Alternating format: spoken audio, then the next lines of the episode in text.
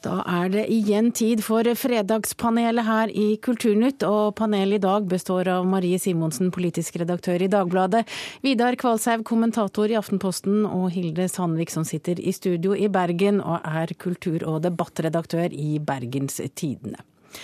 Og vi starter med det som vel er ukas mest omtalte bok.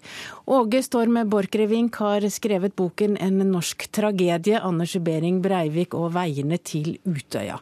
Her prøver han å forklare hvordan vestkantgutten Anders Behring Breivik kunne ende som en av verdens verste terrorister i Europa etter andre verdenskrig. Og Borchgrevink har skrevet boken basert på dokumenter fra bl.a. barnevernet. Og det første spørsmålet jeg stiller panelet er er det riktig å gi ut en bok om Anders Behring Breivik med følsomme opplysninger fra oppveksten? Vi kan jo starte med deg, Vidar Kvalshaug. Ja. Marie Simonsen. Ja. Og Hilde Sandvik i Bergen. Ja. Ja, Vidar, hvorfor er det greit? Da pressen eh, hadde disse opplysningene, men valgte å ikke bruke de, så var nok det riktig for, en, for et par måneders tid siden. Eh, nå har det gått litt tid, og så kommer det i en litt annen kontekst. Det kommer i en tjukk bok med, der han tar masse forbehold for og mot, og diskuterer med seg sjøl det etiske. Så jeg tror dette er vesentlig nå, også fordi eh, jeg er en av de som tror at veldig mange signaturepisoder ligger i en barndom. Det som former det voksne, voksne mennesket. Så, og det gjør det jo åpenbart her. Du har lest boka, du har anmeldt boka, Hilde Sandvik. Eh, går boka mye lenger enn det vi eh, har lest i mediene? Den, eh, det som han gjør, først og fremst er at han systematiserer opplysninger som har kommet i bruddstykker i mediene. Og så føyer han til noe ifra de rapportene som eh, har vært eh, holdt, eh, holdt skjult. Um, og det jeg skriver i min anmeldelse i dag, er at når alle steiner skal snus, så må en òg da snu det som er grunnsteinen i et liv. Eh, og, og, og tenke at det denne boken har gjort, er å gjøre det på en ganske følsom, medfølende måte. Og en sterk måte. Det er uhyre sterk lesning. Men Marie Simonsen, hvorfor gjelder det andre regler for eh, journalister enn for forfattere av fagbøker? Det gjør jo i prinsippet ikke det. Eh, så jeg syns vi må legge det samme til grunn hvis man skal forsvare en slik inngrep i, i personvernet som, eh, som, det høres ut som det er gjort her. Men, eh, men jeg syns samtidig at det er jo relevant det Vidar Kvalshaug sier, at det er konteksten og, og tidspunktet det blir gjort på.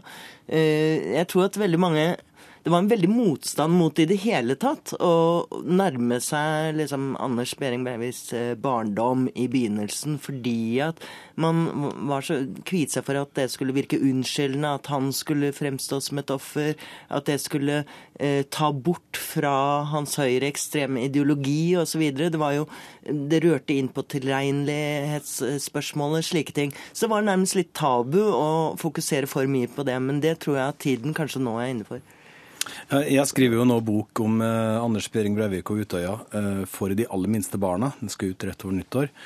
Og jeg har blitt spurt av mange barn og, og, må jo tenke over følgende spørsmål. Hadde han det vondt som barn? Og nå kan vi i alle fall si ja til det. Så er det rydda unna. Altså Det som det òg kan sette i gang, er jo en diskusjon som er veldig ømtålig for de fleste av oss som er foreldre. Nemlig altså hva er det de første åra gjør med et barns liv? Eh, og hvis en kan klare å ha den diskusjonen på en god og fornuftig måte, som jeg mener at Åge Borchgrevink nå åpner for, så er dette et viktig tilskudd til diskusjon for den måten å se Behring Breivik på. Det er jo klart at i, alle andre sammenhenger altså Nå er jo dette en ekstrem handling, eh, og helt unik i liksom, historien, ikke bare her i Norge, men internasjonalt. Men i andre sammenhenger også så er det jo viktig at man er litt oppmerksom på kanskje disse symptomene. Altså Dette er jo en del av ja, barnevernet selvfølgelig, men også skolen og omgivelsene rundt omkring. og At man kanskje kan kan uh, følge litt bedre med enn man har gjort her. Fordi at uh, det som vel kommer frem, som jeg har sett overskriften om, er jo i hvert fall at ingen grep inn og tok seg av han lille gutten når han trengte hjelp. Mor ba jo om hjelp, altså det er òg ganske vesentlig. Men et annet poeng som jeg tenker også, denne boken gjør på en veldig god måte. Det er mange som har spurt hvorfor har en ikke gått inn og undersøkt hva miljø Behring Breivik kom ifra. Og så har et, et, en antakelse vært at det er fordi at han ligner for mye på oss sjøl.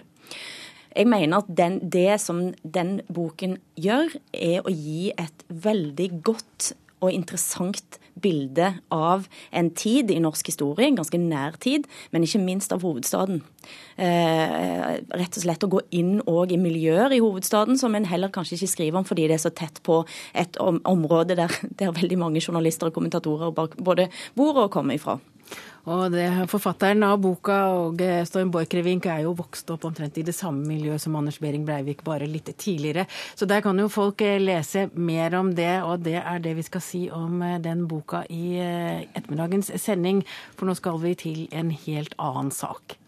I begynnelsen av uken så fikk vi høre at eh, møbelgiganten Ikea beklager at kvinner er fjernet fra bildene i den saudi-arabiske Ikea-katalogen. Der er eh, bilder av kvinner gjort om til bilder av menn. Og da er mitt spørsmål, jeg stiller det først til deg, Hilde Sandvik. Bør Ikea legge ned butikker i Saudi-Arabia hvis de ikke kan gi ut de samme katalogene der som det de gjør i andre land?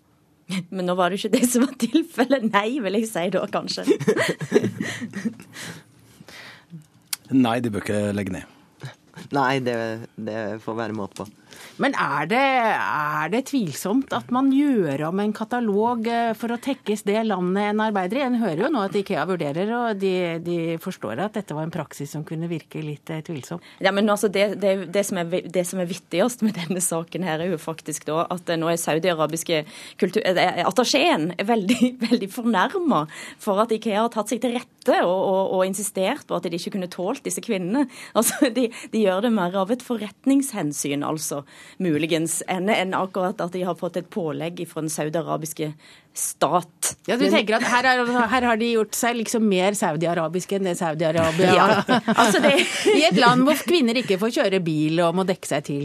Ja, ja, og Det heter jo det at man skal jo tilpasse seg til en viss grad i de lokale skikker. og Man, man, man skal gjerne ikke You do what the Romans do when you're in Rome. Eh, for eksempel, ikke sant. Men, men uh, dette her tror jeg altså Hvis de sjøl syns dette var latterlig, så skal vi i hvert fall ta signalet på det at man trenger ikke alltid være så forsiktig. Og, og det, men det jeg lurte først og fremst på, hva er det disse påståtte rike saudiaraberne skal med Ikea? Det lurte jeg på. men, men, det er jo en veldig, egentlig en veldig progressiv fremstilling, for det du ser er jo en mann som driver og tar seg av barna sine der. Ja. Så det var jo egentlig litt sånn svensk over det hele. Mm. Kvinnene er ute og jobber. Ja, Men tenk om det var to menn, og at de kanskje var gift. Det skulle blitt baluba i Saudi-Arabia, tenker jeg. Det syns jeg faktisk at Ikea de bør ta sitt samfunnsansvar bevisst, og være sitt samfunnsansvar bevisst, som det heter, og så bør de gjøre det. Men, men, det ble jo mye styr, og mange, og Ikea ble kontaktet og ville ikke kommentere. Og det ble jo en litt vanskelig sak for Ikea den dagen dette kom opp. Men gjør ikke Ikea det alle andre gjør som vil selge varene i et land? Jo, og, og, og det er det man kan, kan ikke uh, kreve altfor mye av Ikea. Alle, alle driver jo og tilpasser seg langt verre Eh, former i forhold til Saudi-Arabia. Men samtidig så syns jeg jo en så stor møbel, internasjonal møbelgigant som Ikea har et visst ansvar også for å bruke innflytelse, for å stå på sine verdier. Ikea er jo nettopp et sånt selskap som bygger på veldig litt sånn familieverdier og, og svenske, norske sosialdemokratiet. Og så liksom plutselig snur de helt om straks de dukker opp i Saudi-Arabia. Det er litt pussig. Det er den nordiske modellen, vet du, skal selges ja. med Ikea. Ja. Vi, vi, husker jo alle at Ikeas Eh, grunnlegger han tilpassa seg veldig godt under annen verdenskrig. Så dette er et firma som er vant til å tilpasse seg I det ekstreme. I det ekstreme forhold. Fleksible òg når det gjelder skatt, har vi skjønt. Da skal vi til slutt snakke om oppstandelsen rundt et eh, enkelt lite TV-program her på NRK. Det heter Folkeopplysningen intet mindre, og det programmet gjør er å undersøke alternative behandlingsformer. Og det er flere som reagerer, til og med radiolege og skuespiller Anders Danielsen Lie liker ikke måten programmet behandler alternative alternative behandlingsformer som ja, f.eks. healing, håndspåleggelse, akupunktur og homøopater. Han mener at det, det, på en måte driter det ut. Og da er mitt spørsmål, eh, Marie Simonsen, er det dårlig gjort av NRK å plukke fra hverandre alternative behandlingsformer i beste sendetid? Nei, burde få mer av det. Vidar? Nei. Hilde? Altså Bare for spenningen så bare må jeg si ja, jeg nå. Jeg skal gå inn som de alternative. Jeg hadde da altså som barn eh, voldsomme evner til å finne vann med kvist. Jeg kunne vise fram sår i hendene når kvisten bøyde seg, så dette er jeg helt for. Og så tenker jeg en skal ikke ta livsløgnen fra et gjennomsnittsmenneske. En vet hva som skjer da. Det går galt. Hva tenker du på nå? Nå tenker jeg på det at eh, en har eh, altså, Enhver gjennomsnittskropp har fryktelig mange diagnoser og vondter. Hvis alt skal gå gjennom det eh, regulære helsevesenet, eh, så vil en måtte pumpe opp eh, dette helsebudsjettet ytterligere. Jeg tenker at enn så lenge du holder deg inn forbi kvakksalverloven, og om det er da folk som har lyst til å drikke detox-te til frokost og tarmskylles på ettermiddagen, betaler for det, så vær så god, feel free. Ja, jeg er vestlending jeg også, og har jo opplevd dette her. Jeg har bl.a. en bestefar som ble kvitt kreften noen år pga. en healer, og en bror som ble kvitt astma. Men eh, jeg tror dette handler mer om at det går så mye penger gjennom denne industrien. Og det, det handler om at det gir så mange forhåpninger og så mange håp til folk at de må ettergås eh, på en ordentlig måte. Ondskapsfullt harselas, kaller jo Andersen eh, Line. Det er, det er jo liksom hjernevask for, eh, for, eh, alternativ medisin. Og det var jo en vond opplevelse med hjernevask for, for, mange i akademia. Og det er noe av det samme de opplever nå, fordi at det er, det er brutalt og nøkternt. Men, men, det er jo helt legitimt å gå inn i en industri som er så stor, hvor det nettopp er som Vidar sier, at det er mange som utnytter, utnytter godtroende mennesker. Så er det jo greit å, å vise vise frem dette for hva det faktisk er. Og så får folk heller tro eller ikke tro, eller fortsette hvis de har glede av det. Jeg tror også at det er viktig, som Hilde Sandvik, jeg er ikke uenig med deg faktisk, Hilde, at, at man godt kan la folk tro på dette her. Jeg tror det er mye Eh, det er jo Placeboeffekten er jo et velkjent medisinsk begrep også på norske sykehus. Mm. Mener de at den virker ganske bra?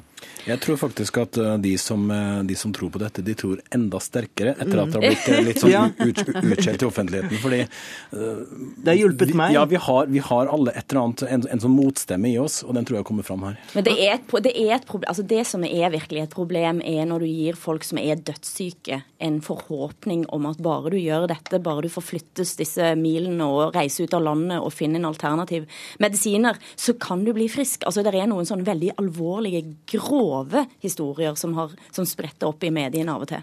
Det er noen som er de historiene, men er, jeg syns det er riktig som en påpekte, spurte er dette egentlig så omfattende som, som man spår at det er? Er det ikke litt sånn myte at dødssyke stadig reiser rundt og, og, og blir Shoppe. utnyttet? Mm.